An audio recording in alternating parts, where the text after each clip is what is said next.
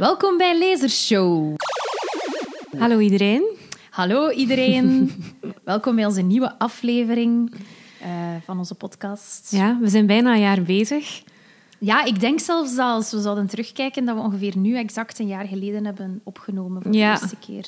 Eigenlijk moeten we zo misschien een jaargangen beginnen werken. Sommige podcasts doen dat, hè. zo jaargang 1 en dan zo 12 episodes. Maar wij blijven gewoon doorgaan en optellen waarschijnlijk. Ja, ik heb dat ook al gezien. Ik denk soms dat dat dan...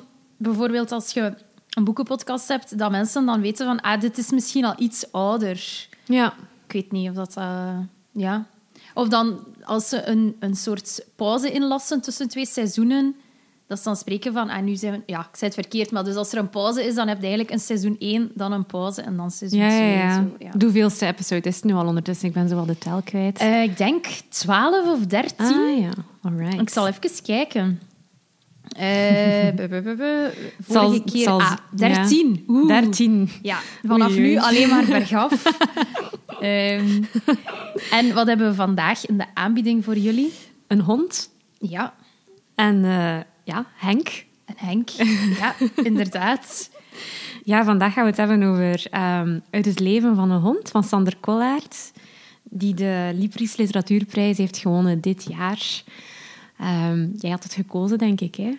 Ja. Het was, het was, jouw idee om, om, om dit boek te nemen, dacht ik? Of niet? Ja, dat klopt. Dat ah, klopt. Ja. Uh, het, is, het, heeft de Libris gewonnen en het was ook tijd dat we nog eens een man uh, ertussen namen. Nee, ah, ja? maar hadden we dat niet gezegd van oei, we hebben nu weer... Want dus, we, hadden, we hebben al heel wat vrouwelijke auteurs gekozen. Ja, ik denk de laatste was Jeroen Brouwers. Ja. Niet? Ja, dat klopt. Dat was dan aflevering 10 over uh, cliënt E. Busken. En dan daarvoor uh, was het Bart Moejaerts en dat was aflevering 5. En dan hebben we ook nog uh, Colson Whitehead gedaan. Ja. ja, het is wel een feit dat als ik kijk naar mijn, mijn lijst van boeken dat ik gelezen heb, of in het algemeen naar mijn boekenkast, daar staan echt wel heel veel vrouwelijke auteurs overwegend eigenlijk um, in. Misschien is dat een beetje, ja... ik weet niet. Modern en vooruitstrevend? ja, inderdaad. Nee, nee. Ah, ik weet niet, ja. Um, ja, ik let er misschien niet echt altijd op, maar ik denk gewoon voor onze podcast dat het goed is om zo uh, een diversere... Zo een male energy of zo. Ja. Want eigenlijk in dit boek is er aan, aan de mannelijke energie geen tekort, hè? Nee, nee, nee. nee. Het is, dus, uh, uit het leven van een hond van Sander Kollaert uh, gaat over Henk. Henk is 56 jaar en dus het speelt zich af in Nederland in zijn dorp. En uh, er wordt één dag uit het leven van Henk beschreven. Een zaterdag. Hij is gescheiden. Hij heeft een hond met de naam Schurk. uh, en hij heeft ook een broer en een nichtje die uh, een belangrijke rol spelen in zijn leven.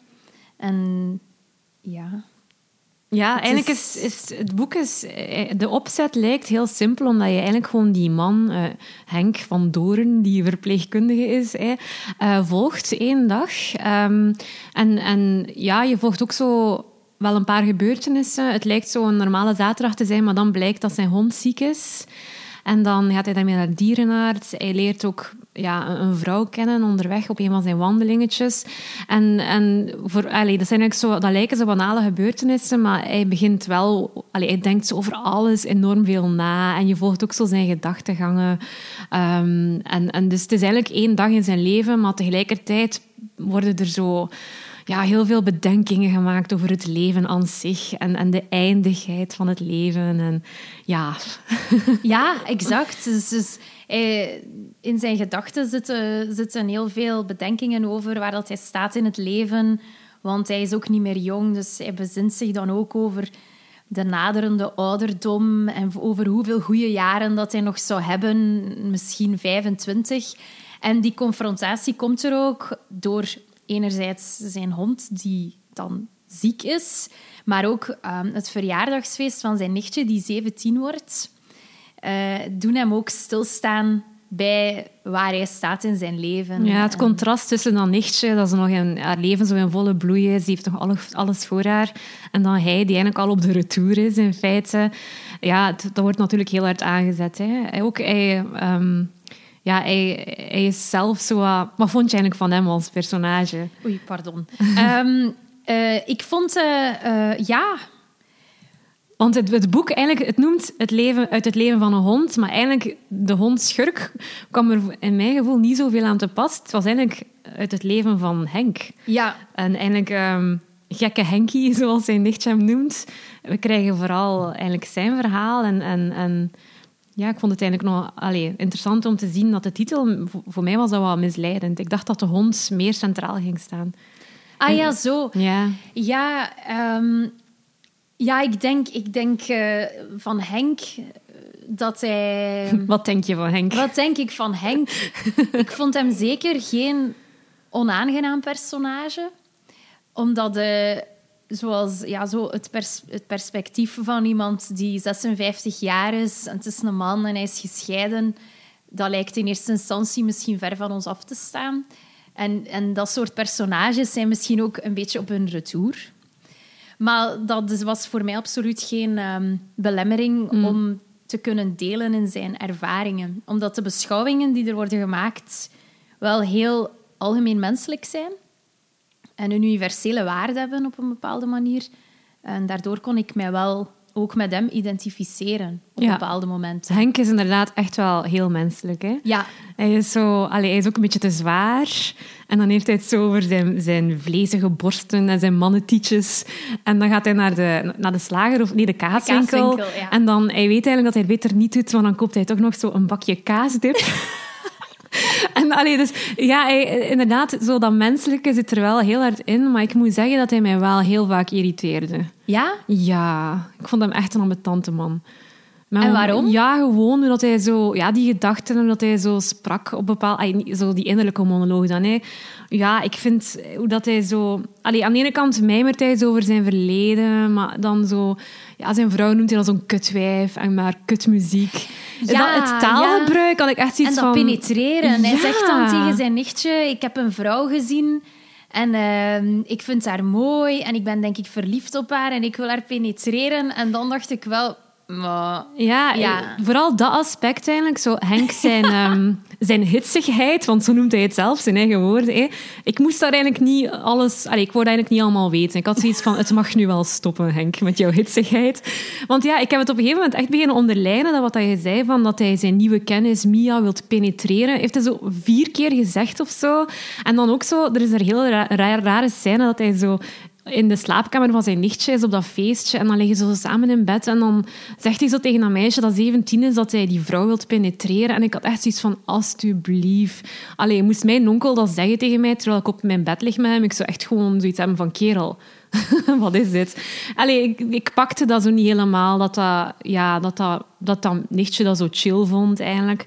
Ja, want ze waren allebei dronken. En dan zegt hij Ja. van, vind je dat nu niet erg dat ik het zeg? En ze zegt, nee, dat Maar is dan nog. gewoon wat dat je voelt als je verliefd bent. Ik denk het, ze. ja, hij, zo ja, het was dan ook natuurlijk ja, de hele opbouw van ik wil haar penetreren, ik wil haar penetreren, dus tot vier keer toe. En dan op het moment zelf lukt het dan natuurlijk niet en, en heeft hij, wat was het, ik heb het opgeschreven, geen bruikbare erectie natuurlijk. Het is natuurlijk een beetje de ironie van, van denk ik ook, dat je daarna opbouwt naar dat moment en dat dat dan niet lukt. Misschien dat dat ook... ehm, maar het eindigt dan wel, eh, in de toekomst krijg je dan wel nog zo, zo de, de zin van in, later zal hij Mia nog verschillende keren penetreren in, in, een, wacht, in een variëteit van posities. Dus allee, het, het is precies zo'n beetje... Ja, oké, hij is dronken, dat is waar wat je zegt, maar het wordt zo vulgairder en vulgairder. Ehm, ik denk dat ik dat zelfs had opgeschreven, op pagina 111. Ehm allee, ja, dan, zo een beetje kut en een beetje tiet. Dat hij dan zo bezig is en zo zich allemaal dingen voorstelt dat zijn broer dan seks heeft met een of andere vrouw die daar ook op dat feestje is met, met, met dikke witte billen. Weet niet wat je dat nog weet.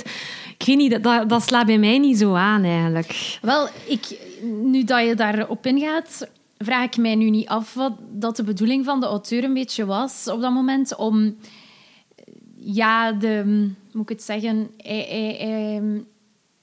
hij wordt bijna puberaal doordat hij ook met, met zijn nichtje Rosa dan omgaat. En door die drank wordt hij ook los. En dan in die, in die passages en, en de evolutie van het boek is eigenlijk zodanig dat die Henk evolueert naar een soort absolute vitaliteit en dat hij wil genieten van elk moment van het leven. En dan, en dan wordt dat ook zo benoemd hè, dat hij tussen het carpe diem, diem en het memento mori zit. Hè. Dus dat hij door het continue besef van wij zijn sterfelijk dan het leven wil aangrijpen. En dat dan daar misschien een knipoog in zit naar het, het vitalisme. Of zoek ik het nu te ver? Ik weet niet of dat je je nog herinnert, zo houd ik iets van uh, Walschap. Zeg ik het nu juist, want ze biedt maak ik hier... Uh, Houd ik iets was... Uh, we hebben dat nog gelezen aan het Unie van Walschap. Ja, is zo de vitalistische roman. En dat gaat ook over de mens die dichter komt bij zijn eigen instincten en bij de natuur. En die dan ook in dat personage van Houtekiet terug, wat zie je daarin? Dat hij dan ook heel veel seks heeft en zo driftig is en dan zijn eigen nageslacht sticht ergens in een soort wildernis. En dat de mens, dat die staat dan eigenlijk een beetje buiten het burgerlijke van de maatschappij. En ik moest daar, lijkt dat je dat nu zegt, komt dat in mij op dat, dan, dat daar ergens misschien wel een link is mee te maken met zo die dat soort literatuur dan. Van, dus, van dus de driften en van, van zo het, het dat die bovenlaag eraf gaat, wat dat dan door de alcoholgebruik sowieso is. En dat hij dan ook dat, dat, dat levensgenieten en dat driftige wil aangrijpen in, in, zijn leven. Dat dat dan is van, ik ga nu naar huis, ik ga op de bus en ik ga naar die Mia en, ik, ga, ga die penetreren. dus die hitsigheid zie je als deel van de carpe diem. Allee, ja.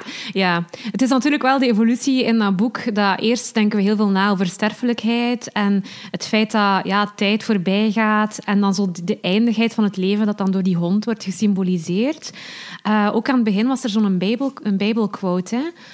van uh, Genesis, denk ik. Ja. Zweten zul je voor je brood, totdat je terugkeert tot de aarde waaruit je bent genomen. Stof ben je, tot stof keer je terug.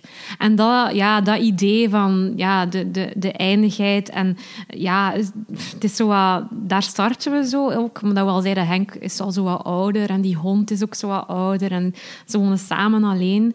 Maar uiteindelijk wordt, wordt de dood dan niet echt gezien als iets slechts of zo. Um, hij zegt ook dat hij daar niet echt schrik van heeft, denk ik. En, en de conclusie is zo'n beetje van ja, het is juist die eindigheid van het leven dat ook zin geeft aan ons leven. Dus dat is zo voor mij zo'n beetje wat ik eruit heb meegenomen. Um, als een soort van bijna morele message van dat boek. Um, wat jij ook zei. Um, levenslust als moreel beginsel, zegt zij hier op het einde. Dan laat zich bij Henk goed voorstellen. Hij jaagt zijn leven heen en weer tussen de polen van memento mori en carpe diem, zodat de een de ander kan voeden en vice versa. Symbiotisch. Dus inderdaad, de connectie tussen die carpe diem van je moet het leven nemen als het is en ervan genieten, versus dan het feit, ja, ooit gaat je sterven en je moet dat nooit niet vergeten, want het, het is eindig. En dan zegt hij zo tegen Mia dat ik omcirkeld.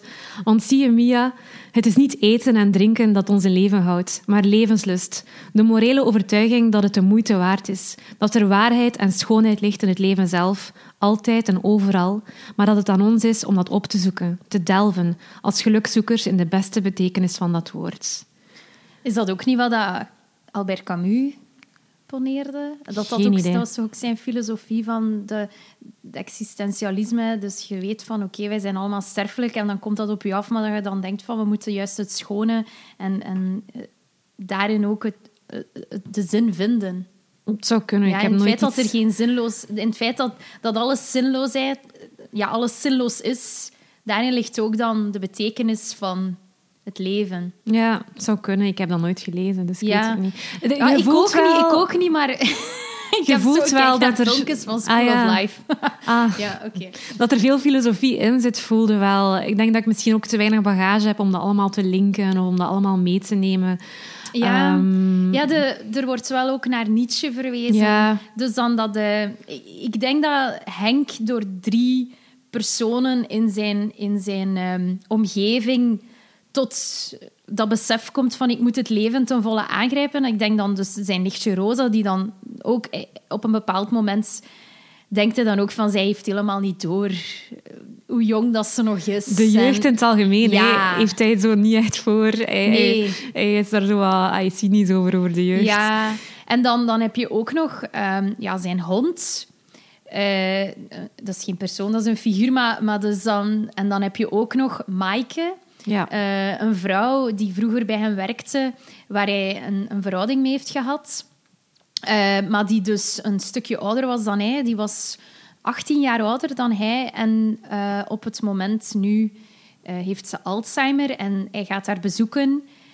Dus zij is waarschijnlijk dan ja, 74 jaar. En dan praat hij ook over ja, dus dat jonge kinderen en honden en ook ja, mensen die dikwijls door een dementie eh, vaak weer kind worden, dat die dan eh, kort aangelijnd aan de pin van het ogenblik leven.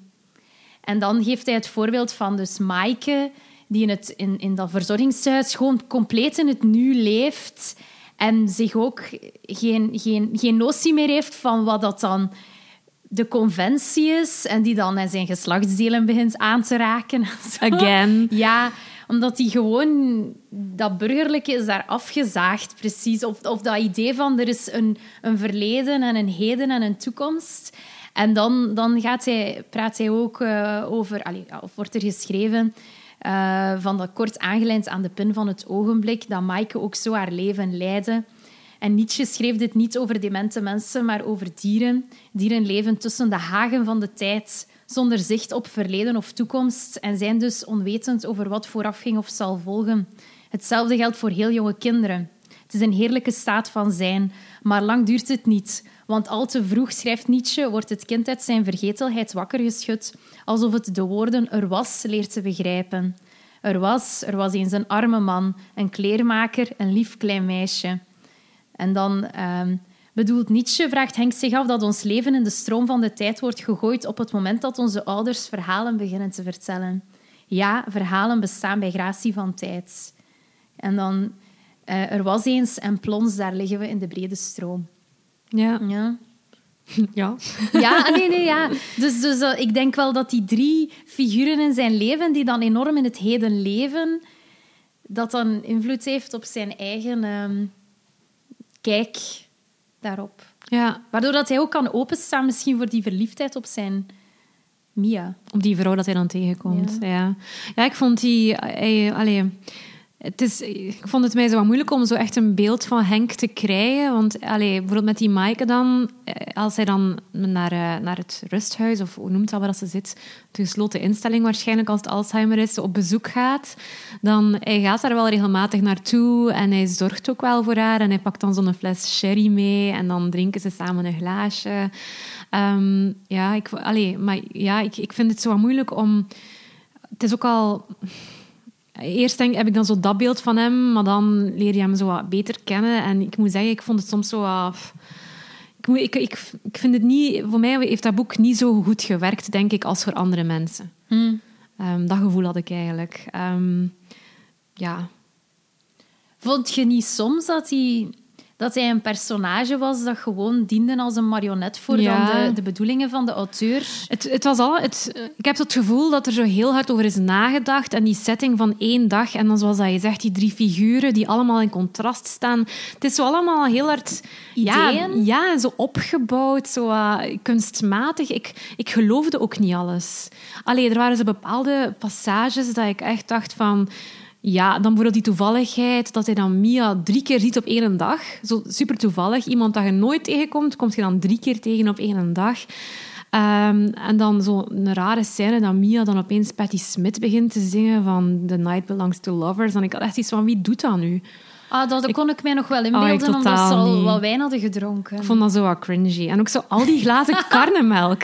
Wat is dat? Ik vind dat echt... Jach, Ja, ik, ik had echt zoiets van, hoeveel karnemelk kan de mens drinken? Dat, allee.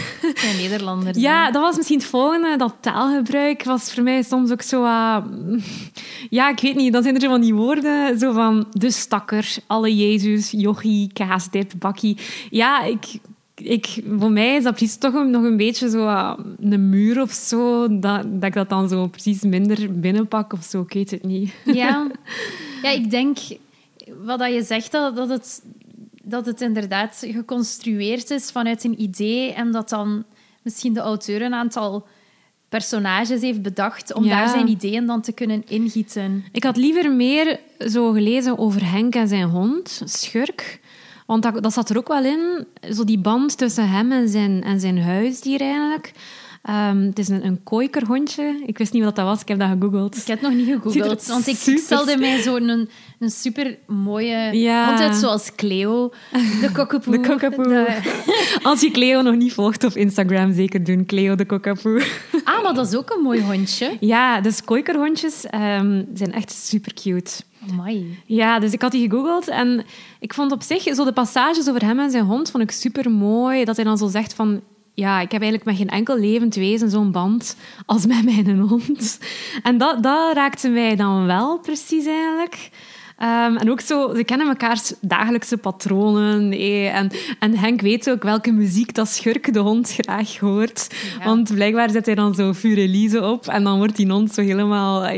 Dus dat vond ik op zich wel... Die stukken vond ik dan wel mooi en, en, en heb ik wel graag gelezen. Maar dan andere stukken totaal weer niet. Dan had ik echt zo van... Nee... Dus ja, ik ben zo wat gemengde, allee, gemengd mm. over dit boek. Ja. Um, Allee, Ik dacht dan, als dit dan de prijs wint, van de Libris Literatuurprijs, dat is dan de, de beste oorspronkelijke Nederlandstalige roman van het jaar, dan dacht ik van... Allee, voor mij, ik vond dat wel... Ja, ik dacht, er moeten toch wel betere boeken geweest zijn dan dat. Maar misschien is dat arrogant van mij om dat te zeggen. Nee, ik heb het nogal gehoord.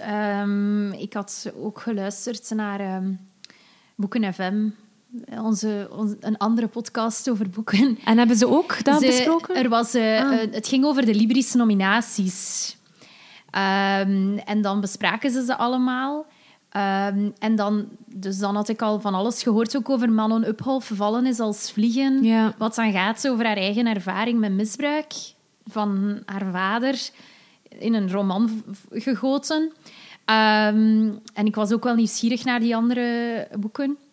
En dan in de volgende aflevering waren ze ook heel verontwaardigd. Is of ja, uh, Ellen Dekwits was heel verontwaardigd over um, dat dus Manon Uphoff dus dat boek heeft geschreven, Once in a Lifetime. Zo'n, ja. blijkbaar is echt een meesterwerk. Ja. En dat ze dan heel jammer vonden. En ook dat er opnieuw een man heeft gewonnen. Want dus blijkbaar in de geschiedenis van de Libris heeft er de laatste dertig jaar nog maar één vrouw gewonnen. Echt? Dus nu hoopten ze hè, dat momentum van Manon Uphoff en alles bij elkaar... En ja, dat is dan wel misschien een teleurstelling op een bepaalde manier. Dat dan uh, Sander Kollaert... Uh... Als, ik, als ik dat hoor, vind ik het eigenlijk nog wat erger. Ja, want het is grappig, want ik las vanmorgen in de Standaard, denk ik, een artikel, ik weet niet meer, ah, over Marieke Lucas Rijveld, die nu dan de, de International Booker Prize heeft ja, gewonnen. de avond het ongemak, Ja, of de avond de- is ongemak. Ja, Ja. en dan schreef die, schreef die journaliste en de Libris daarvoor was ze niet geshortlist. Want deze prijs gaat altijd naar een man of zo. Ouch. gaat bijna automatisch naar een man. En ik dacht, dat is hier ook een stek Ja, ja, ja. naar het feit dat dus die heeft Ja, gewonnen. ik moet zeggen, ik kende Sander Kollaert niet eens voordat we dit boek lazen. Ehm, ik had er nog niets van gelezen, ik had er zelfs nog niet van gehoord. Ik ook niet. Blijkbaar is dat een Nederlandse schrijver die in Zweden woont. Meer vind ik er ook niet over terug. Ehm, ja, op zijn foto ligt hij hier op de grond, zo op dat boek. Ja, ik weet niet. Ik, het is inderdaad... Hij heeft ook een website. Wauw. Ben ik vandaag achter gekomen. Ja, ik denk, ik vond dat boek, als ik het zo moest samenvatten, mijn mening, zo'n beetje, ja, zo navelstaarderig, oude mannen eh, gezaag, als ik het zo mag zeggen. En misschien snap ik dat niet helemaal, omdat ik geen witte, oude Hollandse man ben van 54. Misschien moet ik, ja, misschien apprecieer ik het daarom niet zo. Je sais pas. ehm, er zitten wel mooie stukjes in, hè, daar niet van, maar dat, die, die lompe, zoals sexistische toon stoorde mij echt. En als ik dan ja, de grotere ja, tekening bekijk, wat je nu ook net zegt van die prijs, ja, ik, ik weet niet, ik heb zoiets van, moet dit nu echt nog zo op een voetstuk gezet worden? Het is een, een mooi boek, het leest goed, maar er zitten echt passages in die mij tegen de borst stoten voor een stuk. Dat ik denk van, ik heb er geen behoefte aan om die hitsigheid te lezen. Allee, het interesseert mij niet. Ehm, Nou, ik begrijp het, ja. dus dat was zo'n beetje mijn ja, issue met, met het boek. Alhoewel dat er heel mooie dingen... Allee, en, eh, bijvoorbeeld, er was nog één iets dat ik echt zo heel mooi vond. Als hij dan zo... ehm, het is eigenlijk maar één zinnetje, hoor. Maar hij gaat dan zo naar, naar die Maaike, die dus in haar rusthuis zit en die dus ja, dementeert. En dan schrijft hij zo bijvoorbeeld... Met dat lichaam is ook haar geest vervaagd tot een mikado van beschadigde herinneringen, restjes kennis en half onthouden vaardigheden. Dat vond ik dan wel super mooi, zo een mikado van beschadigde herinneringen. Dus het is heel mooi geschreven en ik snap misschien dat, dat ze daarom ook die Librisprijs gegeven hebben, want ik heb heel veel dingen ook onderlijnd dat ik het wel mooi vond. Maar tegelijkertijd moest het voor mij allemaal niet zo vulgair zijn en zo kut en tiet en kutwijf en kutmuziek en penetreren. Het hoeft, dat maar hoeft was voor dat mij echt niet. zoveel? Ik vond dat veel. Ja, want, Ja. want ik, ik vond het naar het einde toe veel, omdat het dan ook meer over seks ging. Ja. En dan ook, hij, hij betrapt zijn vrouw dan, dus waarmee dat hij aanvankelijk was getrouwd, die met een minnaar dan eh, boven bezig is en zo. En dan wordt dat ook wel in detail beschreven, ja. Nee, misschien ja. En dan zo die witte vleesbillen van Ja, die, die die dan zo, ja, die- Ah, ja. Nee, die, ja, dat ook. Maar ook die beeldhouster op dat feestje, Ja. die dan zo bij een barbecue... Allee, ik weet niet, het was er allemaal zo... Ja, En hij denkt dat die een driehoeksverhouding hebben. Hij en zijn broer en, die, en zijn schoonzus, ja. Allee, dus ik vond het zo van een mix. Ik, ik kan niet zeggen dat ik het een slecht boek vond, maar er waren te veel dingen dat, dat ik niet leuk vond of dat mij niet raakte om het echt zo aan te raden aan andere mensen, vind ik. Nee. Om, om ja... Ja, ik, vind, ik vind dat hij zeer goed kan schrijven. Ik vind dat hij zeer mooi schrijft. Maar eh, mocht, mocht daar nu een ander personage aan verbonden zijn, dan, dan, ja, dan zou dat misschien gewoon hetzelfde geweest zijn. Ik weet niet. Versailles, dus, dus... Nee, nee, ik bedoel, hij zou dat ook hebben perfect kunnen weglaten. Al dat Ja, ik- gezwets over... Ja, over- ik kan het, ik kan het Ja. erin steken, maar het moet gewoon niet zoveel zijn en niet heel de tijd, vind ik. Hmm. Of, ik- allee, ik had echt zoiets van, oké jongen, het is goed, je wil daar penetreren, maar oké. You made, you made your point. Ja, een vrouw dat je zo één keer hebt tegengekomen. Allee, en Maar dan, dat is ook wel... Sorry, maar... Allee, eh, eh, newsflash, dat is ook hoe dat veel mannen Ja. echt denken. Hè? Ja. Je, je wilt die kop niet... Je wilt Maar daar niet in kijken. daarvoor hè, moet ik het nog niet oké vinden Nee, of- graag overlezen, lezen. hè. Ja, het is ja, dat. het is dat. en dan moet het zeker geen prijs winnen. Nee. nee, ik kan wel begrijpen dat dat ook mensen stoort.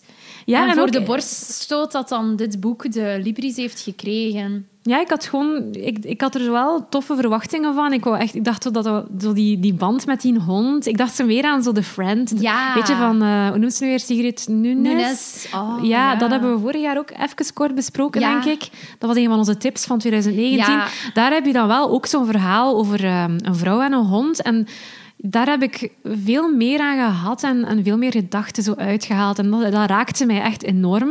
En ik dacht, dit wordt hier misschien zo'n beetje de, de Nederlandstalige... De friend Ja. eigenlijk, eh, zo een man en zijn hond.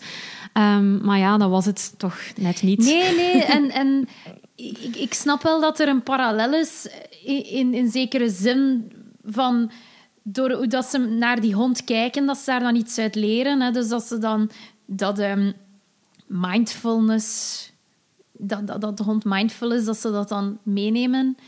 eh, in, in hun eigen leven, maar ja... Het zat er wel een beetje het zat er een in, beetje in, maar- maar, maar ehm, ja, bij, bij Nunes is dat ook, gaat het ook over rouwen en verlies en over heel...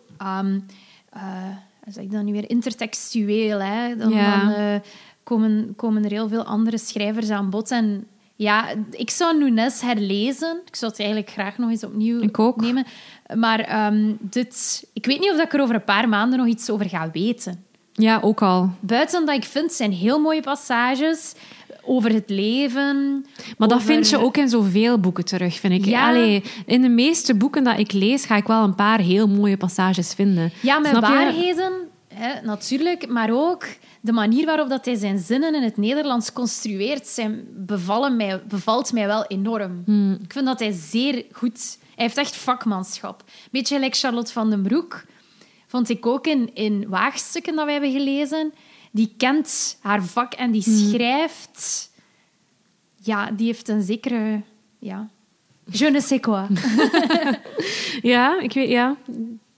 Ik heb het gevoel dat jij iets positiever bent dan, dan, dan ik Ja, over dit boek. Ja, Ik vond het, het was ook niet zo lang, dus dan vond ik het ook. ja het is eigenlijk niet zo maar... erg. Wacht, ik ga even zien. Eigenlijk, ik heb dat denk ik in één dag uitgelezen. Het zijn, het zijn 150, ja, 156 pagina's. Inderdaad, moest het nu 500 pagina's van dat zijn, was ik denk ik halverwege gestopt. Nee. Inderdaad, het, ja, feit, het feit dat het zo'n dun boek is, hé, en, en dan dat zorgt er wel voor dat je verder leest. En, en ja, dat is wel waar. Ja, maar ik had graag meer geweten over Schurk, de hond. Ja. De, dat kooikerhondje, dat boeide mij wel. En dan verdween die zo wat eerder naar de achtergrond. En allee, ik vond het zo een gemiste, een gemiste kans. Ik moet wel zeggen dat de levenslessen die erin zitten... Ik kan begrijpen dat mensen er zich tot aangetrokken voelen, omdat ik vind het wel echt een positief boek. Ja, Zeker in, in tijden als deze, waar je soms al een keer nadenkt over van oh, wat doen wij hier eigenlijk allemaal, eh, is het wel echt inderdaad heel positief, optimistisch en, en om eigenlijk van iets, iets, ja, iets dat ons allemaal bezighoudt, namelijk de eindigheid van ons, van ons leven en, en van de, eigenlijk onze geliefden, om daar toch in een, allez, iets mee te doen en, en dat toch, ja, dat is zeker wel waar. Die morele boodschap die erin zit, spreekt zeker aan, denk ik, bij, bij heel veel mensen. Ook omdat ja, het is wel iets dat, dat je niet altijd zo gepresenteerd krijgt. Vaak is het een andere manier om, om te schrijven over de eindigheid van het leven. Dat is waar, ja. Ja, en ik denk dat dat misschien dan bij mensen of bij lezers de bovenhand heeft. Ja. Uh, dat, is, ja dat dat dan is wat je daaruit meeneemt. Het zou kunnen. Dus niet de hond schurk, maar eerder de, de, ja, de, de, levenslessen. Dan. Wat die hond dan doet met, met, uh, met Henk. Ja, eigenlijk de, wat hij symboliseert ook voor een stuk. Hè. Ja, ja, en ook dat hij dan... Hij heeft ook een aantal teleurstellingen in zijn leven ver, moeten verwerken. Uh, maar dat hij dan toch kiest voor het licht en voor... Hij, hij draait zich naar het licht. Ja. En ik vind dat iets waardevols om dat in een roman te lezen, omdat ik vind dat de meeste romans die ik normaal lees vaak toch wat donkerder, donkerder zijn. zijn. Gelijk, ik had deze zomer uh, dacht ik van oh, in corona oh, dacht ik, ik wil, ik wil echt eens iets lezen waar, waarvan dat ik, mij, dat ik niet zo ga rumineren en zo. Nadenken, ja. ja. Dus dan, dan dacht ik... En dan heb ik Jeeves gelezen. Ah, Jeeves en Bertie. En, uh, Woodhouse. en Wood, P.G. Woodhouse. En dat, is natuurlijk nog iets anders. Dat is gewoon luchtig. Maar binnen de literatuur is er toch vaak... Uh, ja, als je kijkt naar de avond uh, van... Allee, is ja. ongemak daar? Ja, dat is echt super heavy en zwaar. Hè? Dat is dan ook een Nederlandstalig boek. Dat is bijna het tegenovergestelde. Daar, daar, allee, daar zit zoveel verdriet en, en donkerheid en, en echt vuiligheid ook bijna in. Dat boek wou ik echt soms gewoon zo gewoon stoppen met lezen, omdat het zo... Allee, het is echt zo... het werkte zo op mijn anxiety en, ah. en er is zoveel vreedheid in de mensen en, en, ze zijn zo stout tegen elkaar en ze doen zo vieze dingen en zo. En het, het, einde is ook super... Goh, ja, het is, het is het tegenovergestelde van dit. Um, maar ja, kijk, het heeft ook gewonnen gisteren, dus op zich... Uh, ja, ja, ja. Het zijn, het zijn twee uitersten misschien wel dan uh, in dat aspect. En ook ze zeggen, ja, happy people have no stories. En elk, elk, wat is weer? Elk gelukkig huwelijk is gelukkig op dezelfde manier, maar elk ongelukkig huwelijk is ongelukkig op zijn eigen manier. Of wat Zo, zegt Tolstoy? Geen idee. Aan het begin van Oorlog en Vrede? Geen idee, ik heb dat niet gelezen. Wat ben ik nu? Ben ik hier gewoon uit mijn nek aan het slaan? Oké. Okay, uh, eh, maar ik vond het wel nog oké, okay, Ja. Wat je uit je nek aan het slaan werd. Ja, of is dat, is dat Anna Karenina? Ja, als het over, huwelijk, allez, over huwelijken gaat, misschien wel, ja. Um, Oké, okay, laten we overgaan naar iets anders, Pauline. anyway, uh, onze oldtimer dan misschien? Ja, dat is goed. Ja, um, ik heb even zitten denken welke boeken dat er nog zijn over honden. En ja, natuurlijk, we hadden net al The Friend vernoemd, maar dat is niet echt een oldtimer. Maar er is natuurlijk ook The Call of the Wild van Jack London. Ik heb het hierbij. Een heel dun boekje eigenlijk. Mijn leerlingen kiezen dat vaak, omdat het zo dun is. Ah, okay. voor, de, voor de boekreport. Ja, ja, ja. Uh, heb jij het, jij hebt het niet gelezen, zeker? Hè? Of? Nee. Uh, bij Jack London uh, stel ik mij voor, zoals bij Bukowski, zo wat drank en zo Ja, hij, hij, dronk wel veel en heeft heel veel gereisd en zo. En, mm. uh, dat boek is, al, is echt wel een oldtimer. Het is uit 1903, of het boekje. Het is onlangs nog verfilmd geweest trouwens, met Harrison Ford. Um, ah. Ja, ik durf die film niet te bekijken, want de hond, dus uit het verhaal, is volledig in CGI. Het ziet er kei raar uit. Oei, oké. Okay. um, maar dus The Call of the Wild. Um, ik weet eigenlijk niet wat dat de uh, Nederlandse vertaling is. De Roep van de Wildernis, zou het zoiets zijn? dat klinkt goed. is, een, is een avonturenroman, ook al is het heel dun. En hier is het hoofdpersonage wel echt een hond. Dus terwijl dat bij Sander Kollaert krijgen we eigenlijk, is de hond eigenlijk gewoon het huisdier van het hoofdpersonage Hier volgen we echt het verhaal van een hond door de ogen van de hond, zo gezegd. En dat is op zich wel een, een tof ehm, perspectief. Het speelt zich af uh, nog, nog uh, langer geleden, in 1890, zo met de gold rushes in de Wild West. En uh, het hoofdpersonage is eigenlijk Buck. Uh, een mix van een Sint-Bernard-hond en een collie. Maar dus dat, die hond denkt echt als een mens. Het is zo'n beetje ja, antropomorf, of hoe zeg je dat? Ja, ja, ja. ja dus zo, het is op zich wel, je hebt het perspectief van de hond, maar het is wel een zeer menselijke hond. Uh, Animal Fiction is ook een naam, denk ik, dat er soms Animal op... is al like waterschapsheuvel ja, Ja, inderdaad, dat zou kunnen met die konijnen. Ja. Hè? Ja. Dus, um, en die hond heeft eigenlijk eerst een redelijk goed leventje. Hè? Hij woont bij zo'n tof gezin um, op een ranch in Californië maar dan wordt hij dus gekidnapt of uh, gedognapt door stoute mensen die hem doorverkopen. En dan moet hij dus eigenlijk gaan werken in Alaska bij die Gold Rush zo, moet hij zo echt een roedel honden zo slee trekken. En dan wordt het zo het, het, laagje beschaving dat hij zoals huisdier had, verliest hij dan volledig en wordt hij zo'n superstoere hond uh, die eigenlijk moet ja, um, zijn, zijn maniertjes als huisdier vergeten om te kunnen overleven in de wildernis. En ook, hij komt in zo'n roedel terecht. En dan... frank en vrij. Ja. ja, maar dan zo de, ja, de hardere versie. Dat was vroeger, nu jaag ik op vossen. en wel, maar eigenlijk echt zo, want dan komt hij in die roedel terecht. En al die andere honden hebben dan ook een naam. En dan gaat het zo over wie dat de baas wordt. En, en dan, dan vermoordt hij zelfs, denk ik, een andere hond. En hij vermoordt ook indianen en al. Dat is ook zo wat cringy op een gegeven moment, vond ik. En dan uh, uiteindelijk gaat hij gaat hij dan weg van de mensheid en wordt hij terug wild. Uh, wordt hij echt zo, zoals de wolven dat hij dan tegenkomt, gaat hij zo bij de wolven gaan wonen, denk ik. Uh, en dan ja, antwoordt hij dus aan, aan de call of the wild, de roep van de wildernis. En ja, het is eigenlijk een beetje dat verhaal dat natuur, de natuur terug overneemt en, en het menselijke uit een dier volledig kan ja, verdwijnen eigenlijk. Ja. Ja. Wauw. Ja. Dat was, het was super populair ook vroeger. En Jack London heeft dan zo nog andere boeken geschreven in die stijl, zoals White Fang. Wel, ik was aan het denken aan die titel. Uh, ja. Ook over, ook over een, een hond slash wolf. Dus het was echt zoiets dat enorm aan, aansloeg eigenlijk. Want Fang komt ook in dit boek, als ik het mij goed herinner. Um, dus ja, het was wel zo bijna een franchise op een gegeven moment. Ah, hij heeft er zo een serie ja, van gemaakt. Ja, ja, Met personages die dan terug Onder andere, denk denk ik, ja, als ik, het, als ik het goed op heb. Maar dat is een heel ander genre dan um, Sander Koolaert. Ja, maar zo het idee van de natuur en van het ja, de wildernis en Alaska. Allee, ik denk, um, ken je dat verhaal? Ik denk het wel even van Into the Wild van Christopher McCandless. Ja. Dus die jongen dat is ja, weggetrokken uit society en die dan in een bus in Alaska daar heeft geprobeerd de wildernis te overleven.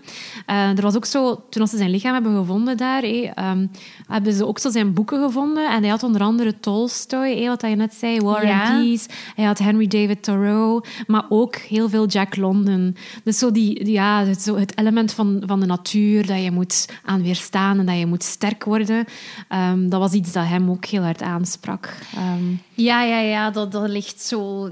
Ja, in de lijn in van... Die lijn ja. van ja, natuurlijk. Ja, met het is ook heel Amerikaans, hè? Allee. Ja. De wildernis. En, en, en, die...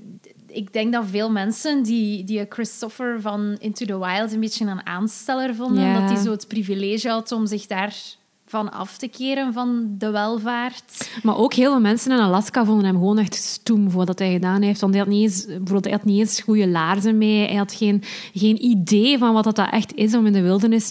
Die had zo allemaal notions from books, maar hij had geen idee wat dat eigenlijk echt inhoudt. Alaska, The Last Frontier, die wildernis. Dat, allez, ze lachen er vaak ook mee met hem in Alaska, denk ik. Heb ik eens gelezen. Ja, dat wordt dan ik denk dat het beeld dat mensen hebben van de natuur en het pure, zoals de Rousseau-gedachte van ja. uh, uh, het pure, dat dat dan in de realiteit... Uh, ja, de natuur is niet vriendelijk. Hè? Nee, en. En is niet... Ja. ja. Into, in Into the Wild komt hij ook tot die conclusie, hè, dat hij dan zo die eland neerschiet en dan kan hij dat vlees niet bewaren, weet je nog? En dan mm. wordt dat slecht. En dan, dan ziet hij zo de andere dieren dat vlees opeten, zo wolven en arenden. Oh, wow, en hij ja. ziet zo echt de vreedheid ook van nature, dat dat niet zomaar... Een, de harmonie is. Ja, ja. Ja, ja dat klopt. Dus, ja. ja. Wel, wel een mooie film.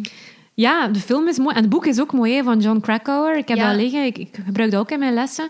En dat, is, allee, dat spreekt wel heel erg tot de verbeelding van, van jonge mensen natuurlijk. Hè. Uw, uw bankkaarten in twee knippen en society, hey, fuck you. Ehm, dus allee, op zich is het is zeker een, een, een heel interessant onderwerp. En ook wat dat hij heeft proberen te doen op zich. Allee, je kunt er heel veel over vertellen en, en over nadenken eigenlijk. Ehm, maar ja, die wildernis is ook natuurlijk een concept dat wij hier in België en in Nederland niet echt kennen. Hè? Ja, nee, dat is zo. Wij kunnen dat gewoon ons niet Nee. voorstellen. Ehm, ik wou nog even ingaan op die honden, want ik heb ergens gelezen, maar het is, het is heel vaag, dat, in, dat zo in oorlogsgebieden en zo, dat honden daar zich weer in roedels beginnen te samenkomen en dan zo jagen en al. Zo gangs Ja, zijn. maar ik, ik, vind, ik zit Ik ga- ik ga zoeken, altijd- ik vind het niet. Ik ga nooit vergeten toen ik, waar was dat? In Tirana, denk ik, in Albanië. We waren daar zo'n aantal zomers terug. En dat is dus de hoofdstad van een land. En daar, daar waren echt zo gangs, zo bendes, honden, maar zo echt wilde honden. En allee, ze zeiden, het is, het is al vijf jaar geleden of zo, dus misschien is dat nu al weg, dat weet ik niet. Ik wil hier geen slechte dingen over Albanië zeggen. Maar die honden, die Pas waren... op. Sorry aan de Albanezen die aan het luisteren zijn. Albanese maffia, stel je voor. Making it worse. Nee, maar en dus die honden waren echt zo ehm, aan het rondlopen, zo, maar echt zo snel aan het lopen, zo langs de auto's en zo, in, in een roedel. Ik ga dat nooit vergeten, dat beeld. Echt zo wat schuimbekkend ook zo'n beetje. En ik dacht echt van, wow. Ja, Want ja. ik, ik heb het enorm voor honden. Hè. Ik vind hondjes echt de max. Maar toen ik die zo zag, dacht ik in mijn eigen van, ja, daar ga ik toch ook niet te dichtbij komen. Ehm, Ja, dan zou, zou die natuur dan weer naar boven komen? in Tirana.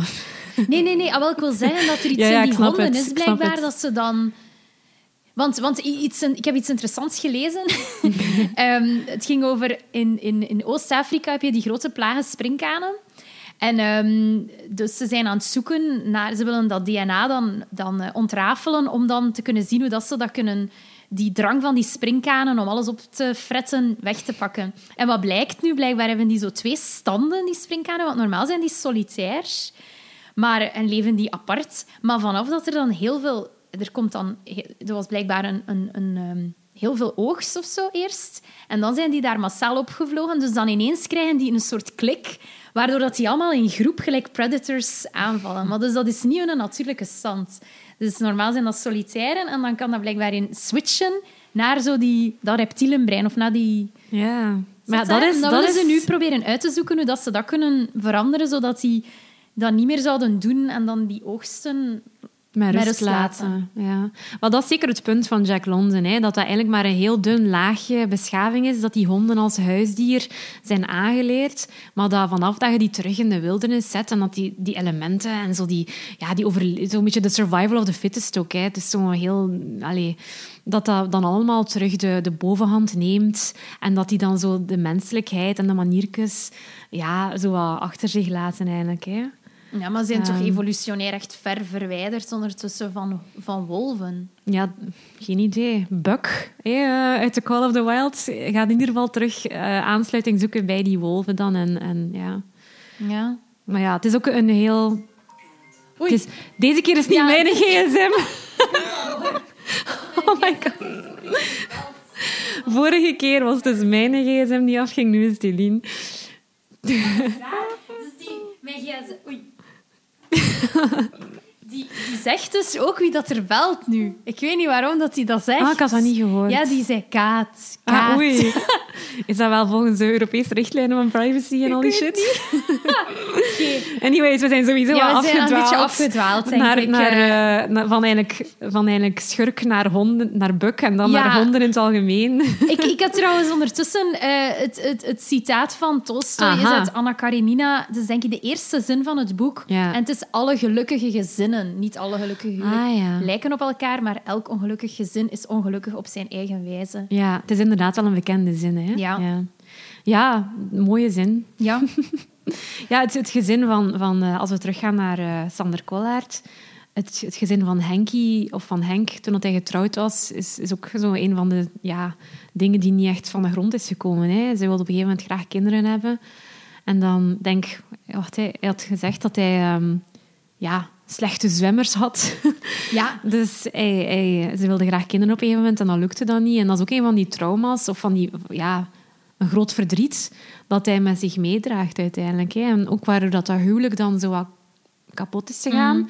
Totdat ze dan Schurk eigenlijk genomen hebben, de hond die dan eigenlijk zo uh, een beetje de rol van, van kind heeft overgenomen. Hè. En ook dat huwelijk, oké, het is dan kapot gegaan, maar zijn vrouw Lydia zit dan in New York, denk ik. En als het dan slecht gaat met Schurk, als die hond ziek wordt, dan, dan is er zo'n telefoonconversatie.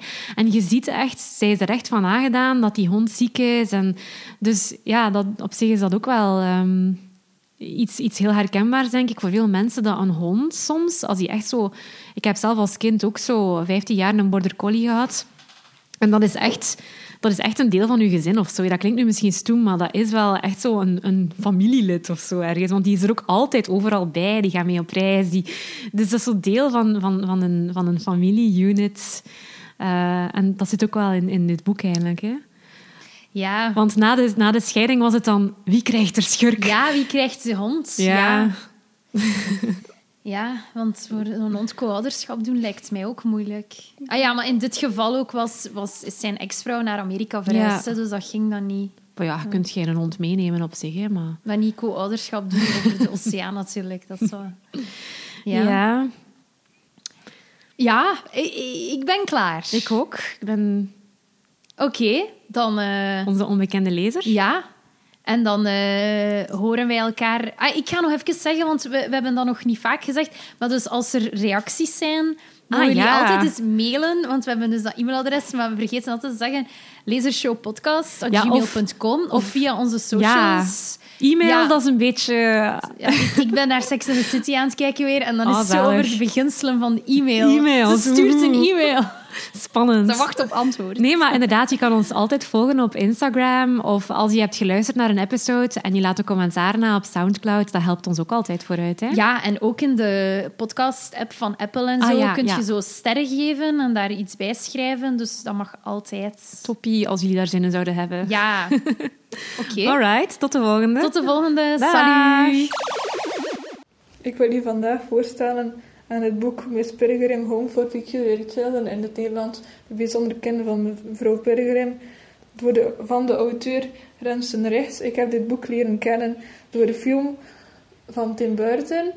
Het boek gaat over Jacob die opgroeit met zijn opa en zijn opa vertelt hem over het bijzondere weeshuis waar dat hij als kind naartoe ging. Waarna het bijzondere overlijden, nee, bijzondere, het eigenaardige overlijden van zijn opa, wil hij er meer over dit, eh, over dit weeshuis weten en gaat hij op zoek naar dit weeshuis dat aan de afgelegen kust van Wales ligt, waar hij het gebombardeerde huis vindt en de kinderen. En een van die kinderen vertelt dat hij dezelfde haven heeft als zijn opa en dat wil zeggen dat hij de, de vijand kan zien en ze, wil dat, ze willen allemaal dat gebeurt, zodat hij de vijand, vijand kan vernietigen. Okay. Wat vind je zo mooi aan het boek? Het heeft een heel bijzondere sfeer, want er zijn ook allemaal oude foto's bij die met het verhaal gelijk lopen. Ja. En dat heeft een zekere meerwaarde. Dat is een typisch, uh, typisch ding dat van de auteur. Dat, alleen maar, dat je alleen maar bij die auteur zo gezegd kunt vinden. Dus het is heel uniek eigenlijk. Ja. En de titel van het boek, Miss Peregrine's Home for Peculiar Children, kan je uitleggen, die naam Miss Peregrine, waar komt dat? Wat wil dat zeggen? Miss Peregrine is de persoon die op de kinderen past. En dat is dus ook wel speciaal. Elke oppasser kan zogezegd veranderen, hij kan veranderen in een vogel. En dat hij kan veranderen in een slechtvalk. Dus het Latijnse naam, Peregrine is het, uh, ja, de Latijnse naam van slechtvalk is peregrinus en dat, daardoor noemt zij Miss Peregrine. Zij kan zich veranderen in een slechtvalk. Aha. Oké. En dan wil ik nog iets zeggen. De, het boek uh, is ook... Allee, het kasteel in het boek is ook gebaseerd op een kasteel in, in België. Dat is normaal een notenboom. Maar voor de film heeft Tim Burton heel veel kasteels bezocht waar dat hij wou filmen. Maar dan heeft hij kasteel Torenhof in, in een prasgaat eruit gekozen. Omdat dus... hij dat het, ja, het meeste vond, allee, het speciaalste vond. En dat hij daar ook een, eh, een gevoel had dat dat het beste zou zijn. Dus er is een link tussen de film en België. Ja, Oké. dank u wel.